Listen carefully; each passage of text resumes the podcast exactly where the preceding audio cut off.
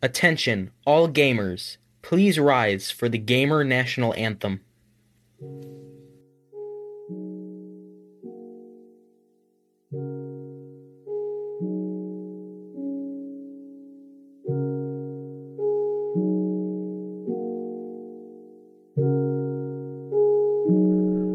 Dzień dobry, witam wszystkich bardzo serdecznie w kolejnej sztuce 01.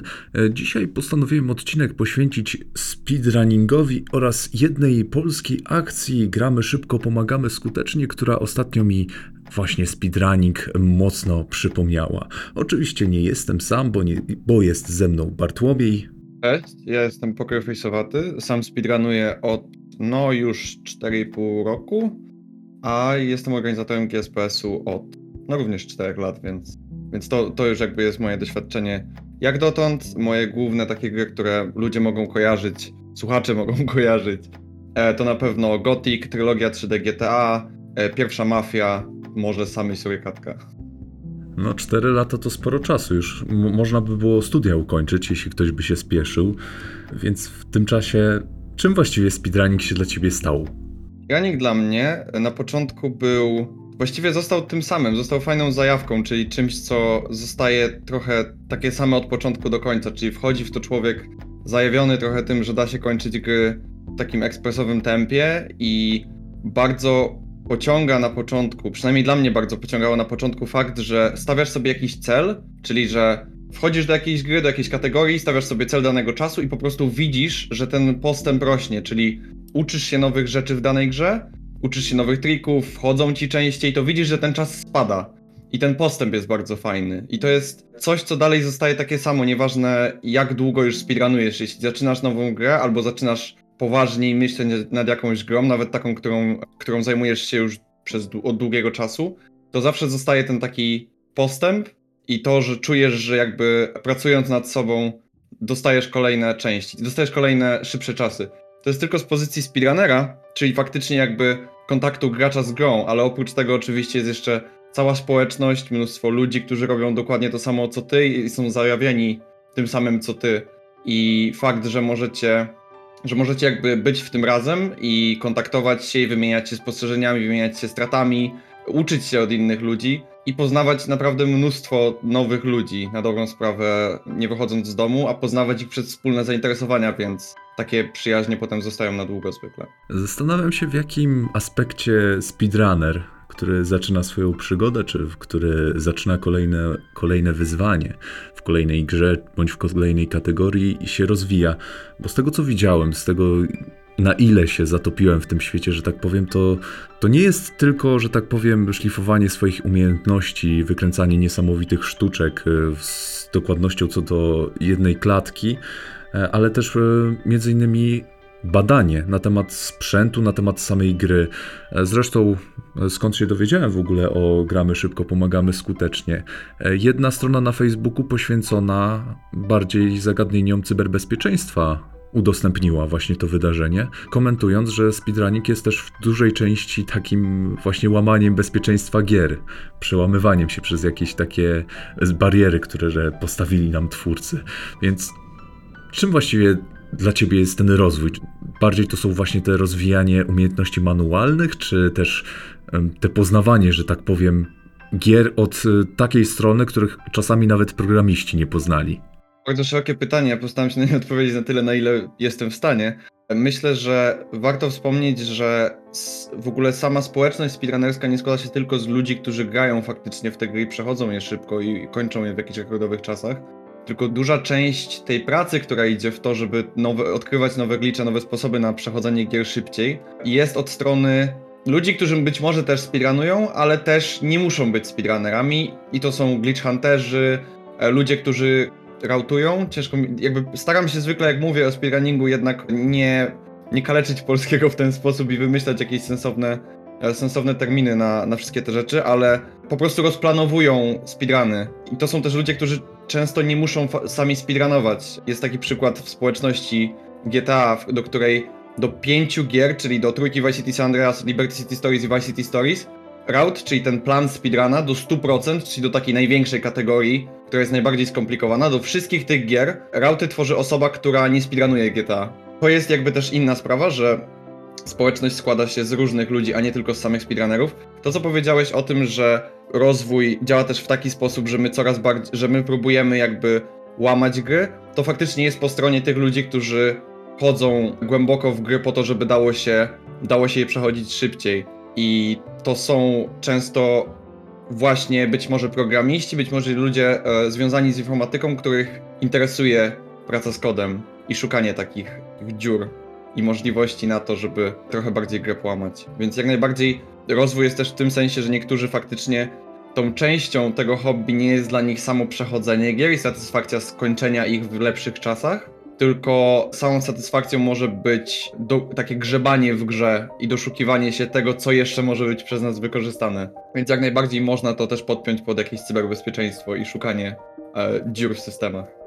Czyli dochodząc, że tak powiem, do tej e, społeczności, można od razu powiedzieć, że na przykład mam zręczne palce, powiedzcie mi, co mam robić. No, jakby trochę tak, ale z drugiej strony nie ma takiego formalnego podziału, że przychodzę i mówię, to ja wam będę robił speedruny, tylko mówcie mi co robić. Tylko po prostu zdecydowana większość przychodzi dlatego, że chce robić speedruny. A jest też trochę ludzi, którzy po prostu na przykład lubią daną grę i już znają, z racji tego, że grali w jakąś grę za dzieciaka, już trochę bawili się w jakieś modowanie, albo nie wiem, stworzyli trainera do tej gry, albo ogólnie znają tę grę od podszewki, Czasami tacy ludzie przychodzą do speedrunnerów po to, żeby pomóc nam. I jest też takie większe społeczności mają często ludzi, którzy bardziej zajmują się, znaczy bardziej, zajmują się po prostu projektami takimi jak inżynieria wsteczna gier i podobne zagadnienia związane typowo z tym, że po prostu oni uwielbiają tę grę i chcą, chcą przy niej pracować i przy okazji pomagają społeczności speedrunnerskiej to bardziej od tej strony przychodzą ludzie, którzy mówią, hej, mogę wam pomóc, niż ze strony mam zręczne palce i mogę speedrunować, bo to jest po prostu zdecydowana większość, która chce robić speedruny. Nie do końca musi się z tym ogłaszać. Czy można powiedzieć, że speedruny są w swoim w pewnego rodzaju sztuką? Oczywiście, jak, moim zdaniem jak najbardziej. Z racji tego, że jakby ile, ile czasu jest często wymagane do tego, żeby niektóre speedruny powstały, to jak najbardziej może to być e, rozumiane w ten sposób. Jaki speedrun, jakie może wydarzenie w ten sposób w tym świecie określiłbyś jako na takie najważ najważniejsze dzieło sztuki? Nie mogę czegoś takiego stwierdzić. To po prostu jakby ilość i, i, i też fakt, że to by było bardzo subiektywne. Nie, nie mogę stwierdzić, które by było najważniejsze ogólnie, ale może bym był w stanie wymyślić jakieś takie duże wydarzenie dla mnie. Mam na myśli to, że mm, wydaje mi się, że można debatować na temat tego, jakie duże, jakie duże przełomowe wydarzenie w jakiej grze mogłoby być takim uznanym za największe, ale to mimo wszystko jest kwestia subiektywna. I też nie ma, wydaje mi się, osoby, która swoim umysłem ogarnie wszystkie gry, które się w tym momencie speedrunuje i wszystkie duże wydarzenia dla nich, żeby tak jednoznacznie stwierdzić, że tak, to jest największe. Ale generalnie wszystko to, co sprowadza się do tego, że widać każdy run, przy którym widać, że społeczność przez miesiące albo przez lata wkładała jakby serce w to, żeby to się stało. Z takiego najbliższego podwórka, pierwsze co mi przychodzi do głowy, no to pewnie pierwszy run wykorzystujący AJS w GTA San Andreas, bo to jest coś, co może trochę wyjaśnię, czym to jest. GTA San Andreas od kilku lat, od dobrych, dobrego 2016, o ile dobrze pamiętam, Pojawiały się takie teorie, że grę da się skończyć bardzo szybko, robiąc e, warpa do ostatniej misji.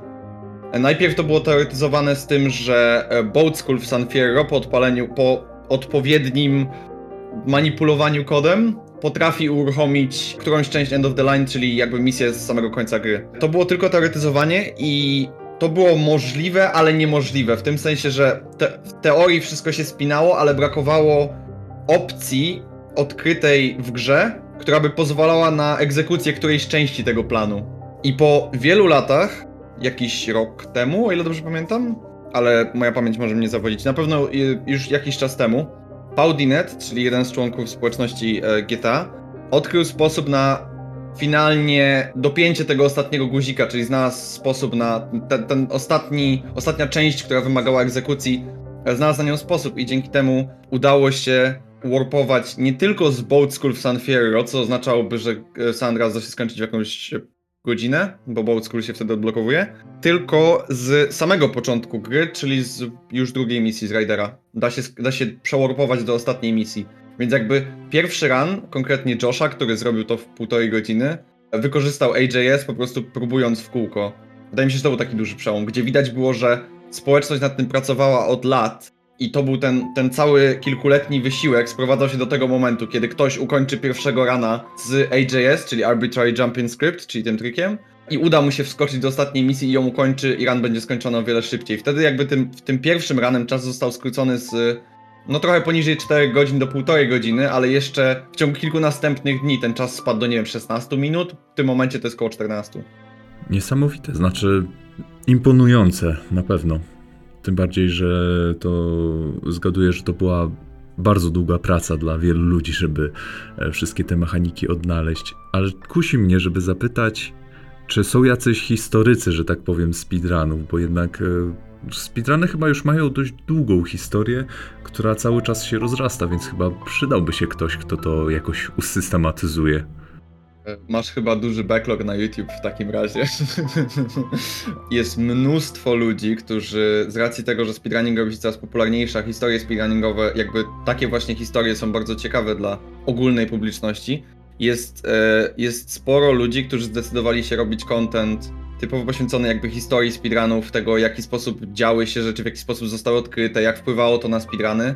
Na pewno taką osobą jest Summoning Salt, którą, który jakby dla wielu ludzi jest takim popularyzatorem speedrunningu, bo jego filmy mają zawsze miliony wyświetleń i każdy czeka na nowy film Summoning Salta i to jest... On zwykle robi filmy o postępach world recordów, czyli e, zaczynamy w momencie, kiedy ktoś ukończył pierwszy speedrun z danej gry w 2008 i przechodzimy przez wszystkie duże punkty, które zmieniały run i skracały go do dzisiaj i dochodzimy do momentu, w którym jesteśmy na, na dzień e, montowania wideo.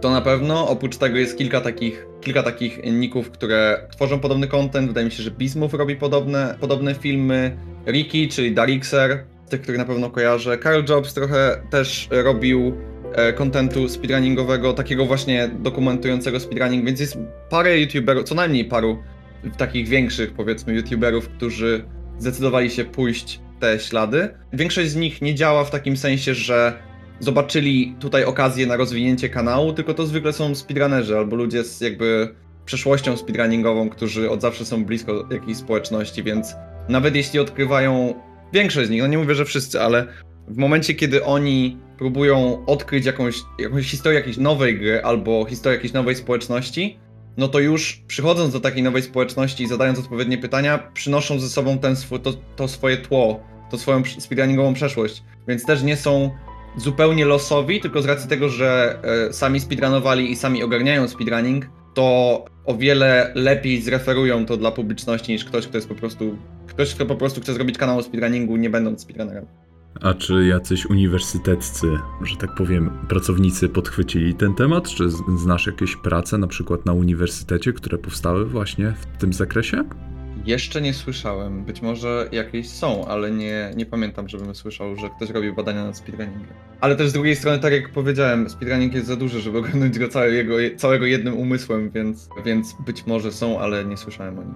A trochę kierując się z takiego dużego obrazka i przechodząc do trochę mniejszego, do Polski, Ciężko mi powiedzieć, jako że zazwyczaj czerpałem źródła jednak właśnie te zagraniczne, to bardzo ciężko mi określić, jak e, popularny jest speedrunning w Polsce. Tym bardziej, że poza właśnie organizacją Gramy Szybko, Pomagamy Skutecznie, nie natknąłem się na zbyt dużo informacji o tym w polskim języku.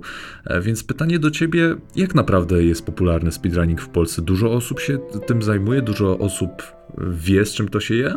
Mojej wielkiej radości coraz więcej. Mieliśmy na samym początku, kiedy jakby to tak troszeczkę raczkowało, w tym sensie, że my tak szukaliśmy speedrunnerów po popularnych polskich, nie wiem, grupach na Facebooku związanych z gamingiem, to tych speedrunnerów przybywało tak pojedynczo, każdy nowy był takim dużym wydarzeniem, że ktoś, ktoś, e, ktoś nowy do nas dołączy i okazuje się, że nawet speedrunuje. Wow, to początki były takie, że w tym 2017 do końca roku, nie wiem, było nas może 20 aktywnych osób, tym momencie serwer Polish Speedrunners ma kilkaset osób, jakby sporo z nich po prostu przyszło zobaczyć i nie do końca to jest tak, że to się przekłada na ilość aktywnych użytkowników na serwerze, ale wciąż jakby na ostatni GSPS przyjechała i to jakby na GSPS stacjonarny, a nawet nie, nie na taki, na który e, można się zgłosić online, tak to robiliśmy z przymusu przez ostatnie kilka edycji, przyjechało 45 osób i to było około 45 osób i to była rekordowa liczba jak dotąd. Ale myślę, że jeśli by liczyć wszystkich, którzy są w miarę aktywnymi polskimi speedrunnerami, no to na naszym serwerze będzie ich o wiele więcej, więc ciężko mi wyskoczyć tutaj z dokładną liczbą, ale na pewno jest nas coraz więcej i też pomaga fakt, że w momencie, kiedy GSPS się rozrasta, no to coraz więcej ludzi słyszy o GSPS-ie i zdaje sobie sprawę, że wow, jest polska społeczność speedrunnerów, ponieważ jest dużo Polaków, którzy po prostu robią speedruny i są w społecznościach, na przykład mogą być aktywni w społecznościach danych gier, ale nie wiedzą, że jest, że jest polska społeczność, albo bardziej, że jest miejsce, gdzie polska społeczność się zbiera. I rozumiem, że ten trend y, jest stale rosnący, nawet mimo ostatnich lat, które nie pomagały rozwojowi żadnej społeczności, tak naprawdę. Tak, z jednej strony nie pomagały, ale z drugiej strony pomagały o tyle, że jeśli masz na myśli, że pandemia, no to pandemia pomagała o tyle, że wszyscy siedzieli w domu przed komputerami, więc, więc wydaje mi się, że to mogło wpłynąć pozytywnie. Ale ogółem y, polska społeczność rośnie w siłę i rośnie w siłę całkiem sprawnie, więc jesteśmy bardzo z tego zadowoleni i mamy nadzieję, że coraz więcej spiranerów będzie dołączać do serwera, żebyśmy jakby jednoczyli się w tym, w tym miejscu. Znaczy rozumiem, że nie masz, e, nie liczysz tylko na speedrunnerów, ale liczysz także na odbiorców, którzy po prostu będą wiedzieli z czym to się je i którzy będą podziwiać, no bo jednak e, fa fajnie robić szybkie przejścia, ale też fajnie jak ktoś to ogląda, prawda? Oczywiście, oczywiście. Czy masz jakieś marzenia związane, jakieś cele związane właśnie ze społecznością? Czy liczysz, że na przykład za 5 lat y, speedrunnerów będzie tysiąc i na przykład będą całe wydarzenia znane na całą Polskę właśnie dla speedrunnerów, gdzie można będzie się zjechać, będzie cała hala wynajęta i będzie można porozmawiać o tym spokojnie? Znaczy, takie wydarzenia ty, tymi wydarzeniami już jest GSPS trochę w mikroskali, ale tak, jak najbardziej chciałbym, żeby i polska społeczność speedrunnerska i tym bardziej GSPS rozwijały się dalej i ciężko mi powiedzieć jakby, czy chcę, żeby tych speedrunnerów było 100, 150, 300 czy 1000, ale chciałbym, żeby po prostu ta liczba nie przestawała rosnąć. Z racji tego, że raz pokazujemy, że to jest fajne hobby i mamy nadzieję, że coraz więcej ludzi będzie widziało to, będziemy poznawać nowych e, ludzi zajawionych tym samym tematem. A z drugiej strony, no jakby rozwój GSPS-u powoduje, że rozwijamy akcję, która jest akcją charytatywną, więc większe zasięgi i więcej ludzi powodują dłuższe eventy, powodują eventy, które są znane przez szersze grono odbiorców, którzy lubią oglądać speedruny i dzięki temu zbierają więcej pieniędzy na cele charytatywne. To się wszystko łączy, więc jakby oczywiście chciałbym, marzę o rozwoju w tych wszystkich zakresach. Faktycznie ciężko powiedzieć, e, wymienić konkretną liczbę. Do GSP e, przejdziemy za chwilę, ale powiedz, wyznaczmy konkretny cel. GSP na Stadionie Narodowym. Myślisz, że za ile lat? GSPS na Stadionie Narodowym. E, nie wiem od ilu ludzi Stadion Narodowy pozwala się wynająć, ani jakie są koszty, ale nie, nie chcę tak przewidywać, bo jakby ja wiem, że takie przewidywania. Nie lubię, nie lubię aż tak abstrakcyjnego przewidywania też dlatego, że nasze przewidywania, które były wcześniej, to znaczy jeśli przewidywaliśmy ile każdy kolejny event uzbiera, od, na przykład uzbiera pieniędzy, albo ile osób przyjedzie, ile ranów zostanie zgłoszonych, to wszystkie były z taką pewną rezerwą dla czystej pewności, a potem okazywało się, że dostaliśmy na przykład dwa razy więcej. Więc wolę jednak założyć, wolę robić bezpieczne założenia, które potem okazują się zaniżone niż, e, niż odwrotnie. Rozumiem. Jednak liczę, liczę. Mm, obiecuję, że się pojawię na takim wydarzeniu. Ale samo GSP.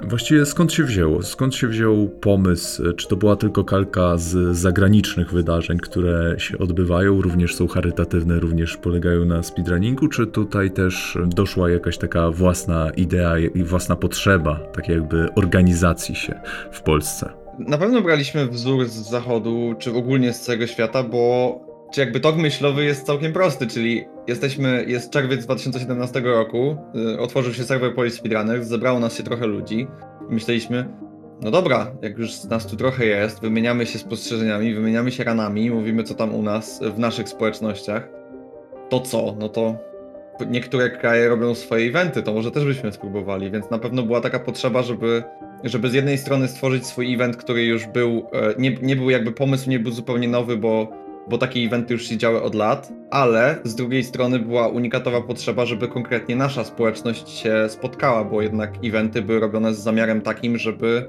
ludzie z serwera zjechali się w jedno miejsce i oprócz, oprócz tego samego pokazania speedrunów, e, zarobienia trochę pieniędzy na cele charytatywne, też integrowali się i zobaczyli ludzi, których znają od dłuższego czasu z internetu na żywo. Więc ta, ta potrzeba była jak najbardziej unikatowa dla naszej społeczności. I wyszło. I od 2017 roku do dzisiaj działacie aktywnie. I z tego co słyszałem, zbieracie coraz większe sumy. E, Zresztą z tego, co mówiłeś, też tak wynika, że coraz więcej się udaje zebrać i coraz przez to coraz większe cele się udaje wykonać. No bo jednak działania charytatywne mają jakiś cel, który na szczęście jest realizowany. I jak było ostatnim razem? Ostatnim razem na przemowie początkowej GSPS-u 2021 powiedziałem, że ostatni event, czyli, czyli poprzedni, czyli GSPS Dzieciom 2021 i jeszcze zdalny, a GSPS 2021 już był stacjonarny, powiedziałem, że udało nam się zebrać 17 350 zł, więc miejmy nadzieję, że na tym GSPS-ie uda nam się zrobić dwójkę z przodu i pięciocyfrową liczbę. I mamy nadzieję, że uda nam się to przebić, a finalna kwota wyniosła 39 100, więc myślę, że myślę, że się udało.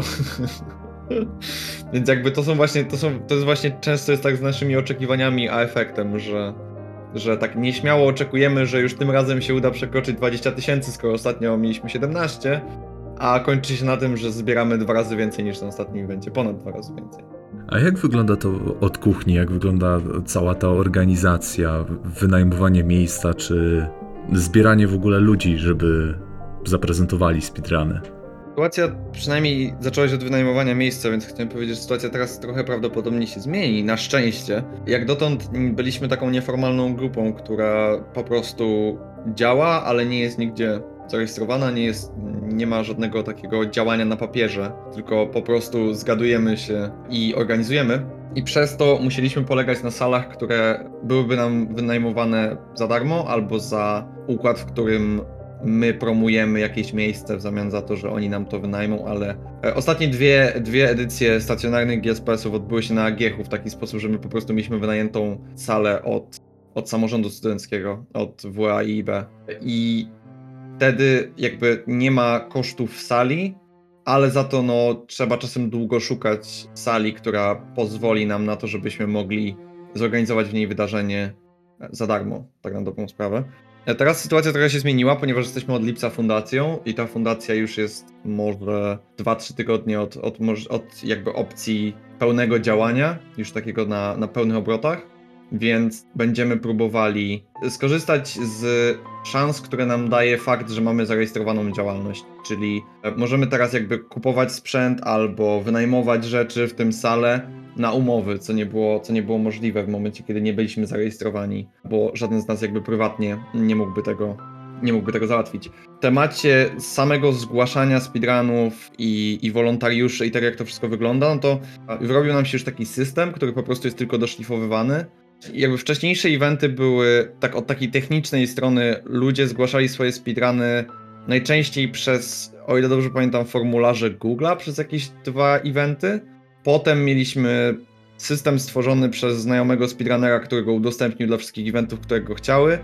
A od jakiegoś czasu, tak jak praktycznie wszystkie inne eventy, korzystamy z ONGUSa, ongus.io. To jest taka strona, która pozwala zarządzać ma- maratonem speedrunningowym. Generalnie rozwiązuje największy problem maratonu speedrunningowego, czyli ustalanie harmonogramu, bo tam jest narzędzie do ustalania harmonogramu, które krzyczy jak dany użytkownik nie jest dostępny w danym momencie. To jest bardzo pomocne, na pewno o wiele bardziej pomocne od ustalania harmonogramu w Excelu i robienia tego przez 3 dni.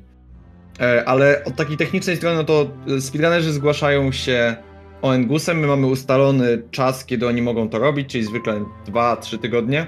To jest taki okres, kiedy po prostu otwieramy zgłoszenia. Otworzenie zgłoszeń to jest taka duża rzecz dla, dla maratonu speedrunningowego. Otwieramy zgłoszenia speedrunnerów. Speedrunnerzy zgłaszają swoje gry, to znaczy podają w odpowiednim formularzu e, takie rzeczy jak tytuł, kategorię, swój czas obecny, albo bardziej e, podają na pewno przewidywany czas, w jakim, to w jakim skończą danego rana. I przy okazji umieszczają też wideo jako na dowód, że jakby skończyli tego rana. Najczęściej po prostu wrzucają wideo ze swoim najlepszym czasem. Czasami też, jeśli ktoś chce zwiększyć szansę na to, że ran się dostanie, to dorzuca albo ran robiony od zera, czyli po prostu na żywo, z komentarzem takim, jakby był robiony na maratonie, albo ewentualnie komentarz nagrany na swoje PP. E, po to, żeby ten komentarz był, był pokazany, czyli jakby to wtedy pokazuje naszym osobom od weryfikacji ranów na eventy, czyli e, Dexterowi i Hoxie, że dana osoba po prostu potrafi skomentować ten run, więc nie ma takich wątpliwości, czy no dobrze, możemy przyjąć tego rana, ale czy on sobie poradzi na, na komentarzu, tylko po prostu nie ma takich wątpliwości, bo wiemy, że, że ta dana osoba przygotowała się. Tak, zgłaszają, tak zgłaszane są speedruny. Oprócz tego nie moglibyśmy działać bez pomocy wolontariuszy, więc wolontariusze zwykle zgłaszają się w podobny sposób, jakimś formularzem. Mają też określony czas na to, żeby się zgłosić.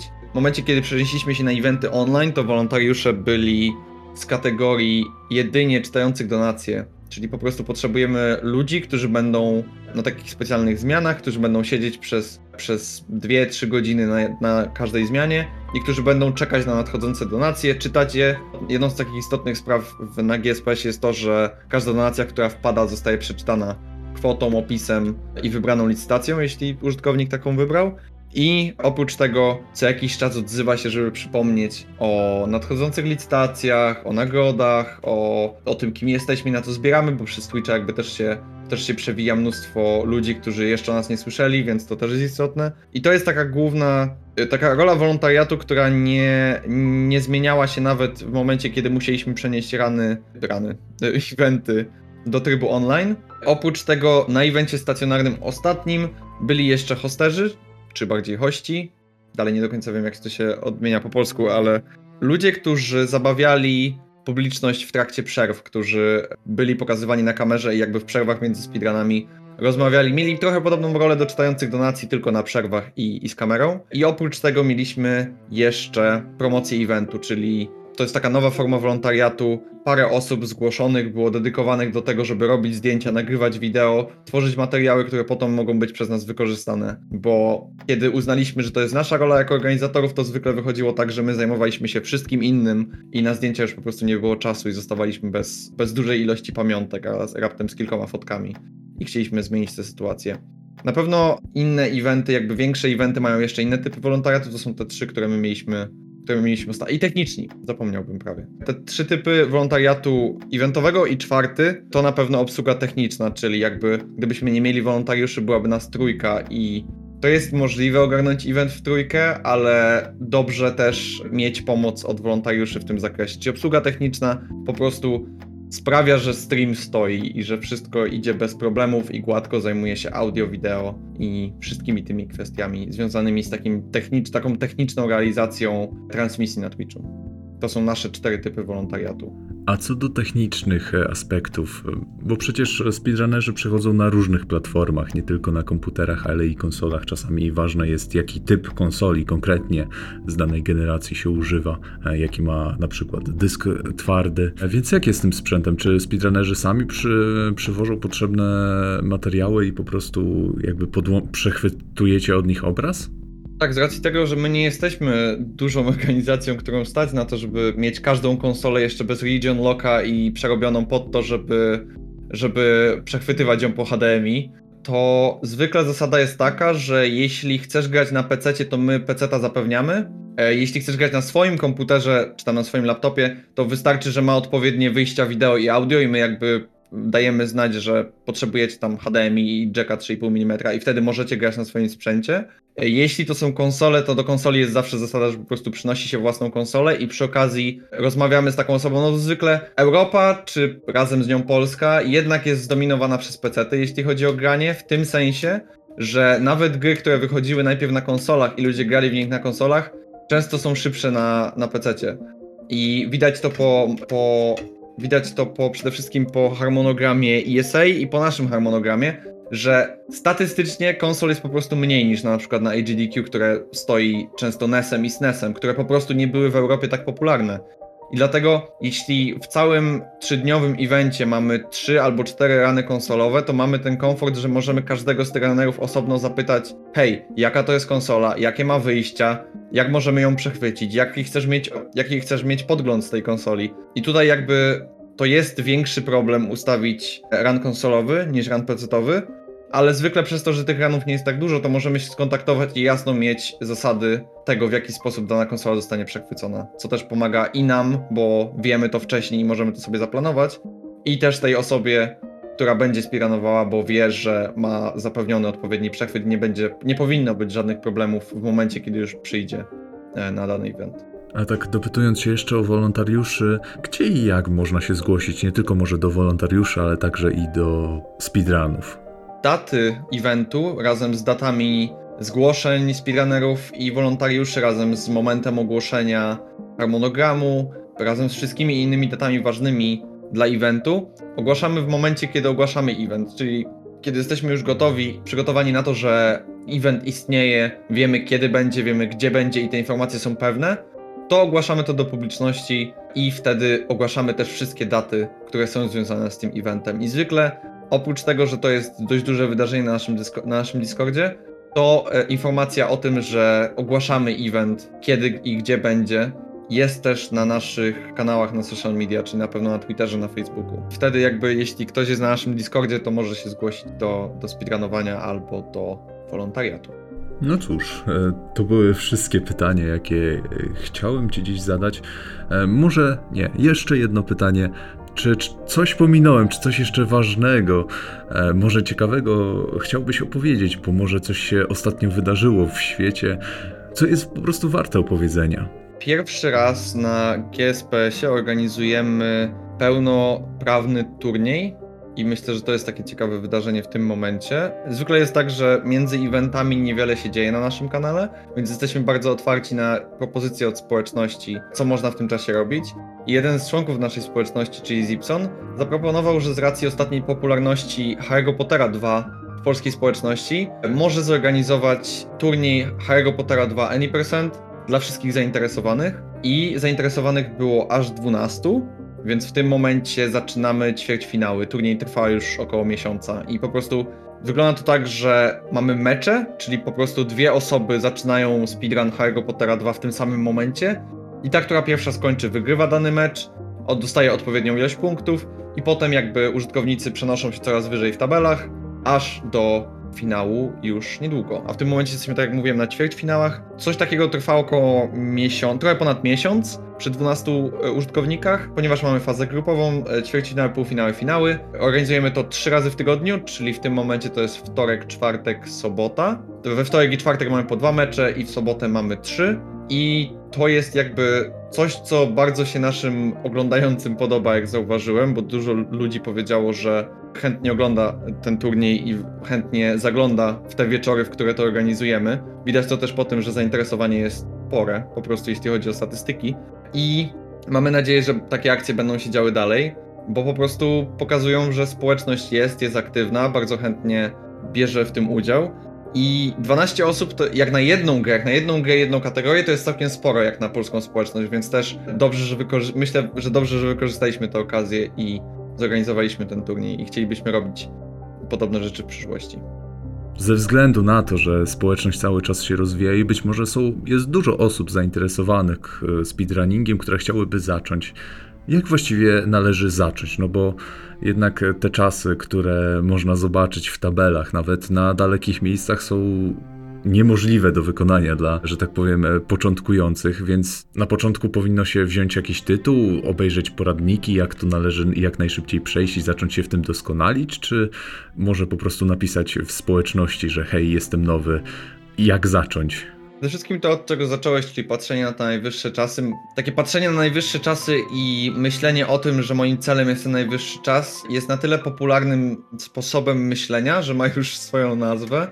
Ta nazwa to WR Culture, czyli jakby kultura world recordów. Przede wszystkim, przynajmniej moim zdaniem, na początek w ogóle nie powinny nas obchodzić world recordy, bo po prostu to są czasy, które są robione przez ludzi bardzo doświadczonych, jeśli mówimy o grze, która ma więcej niż 10 ranów. A takie zwykle ludzie wybierają na swoje pierwsze rany. I myślę, że najlepszym sposobem jest przede wszystkim poszukać poradników, poszukać źródeł na stronie danej gry na speedrun.com, bo tam zwykle są wylistowane wszystkie poradniki i podobne opcje, albo też poradniki nie tylko do tego, w jaki sposób przejść grę w danej kategorii szybko, ale też w jaki sposób ustawić tę grę. To dotyczy często starszych gier, które nie do końca dobrze chcą działać na, na nowych systemach. I myślę, że to jest dobry początek. Na pewno Discord społeczności jest dobrym początkiem.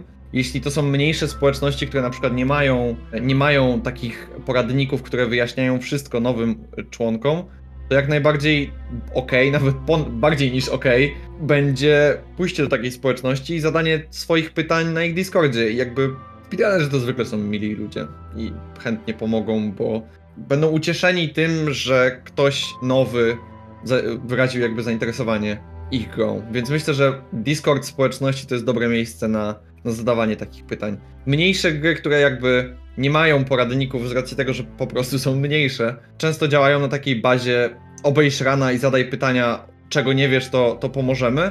No i zwykle jakby można obejrzeć takiego rana, jeśli nie rozumie się nic, to po prostu zadaje się milion pytań, a społeczność pewnie chętnie odpowie. Bo będzie, tak jak mówię, będzie zadowolona, że ktoś nowy będzie chciał się nauczyć takiego rana, więc na pewno nie jest tak, że ukrywane są te straty, albo trzeba się naprawdę namęczyć, żeby do tego dojść, tylko raczej społeczności z mojego doświadczenia i z doświadczenia ludzi, których znam, społeczności są otwarte na nowych ludzi i bardzo szukają tego, bardzo, bardzo chcą, żeby nowi ludzie pokazywali się w nich, pokazywali swoje umiejętności i, i przychodzili.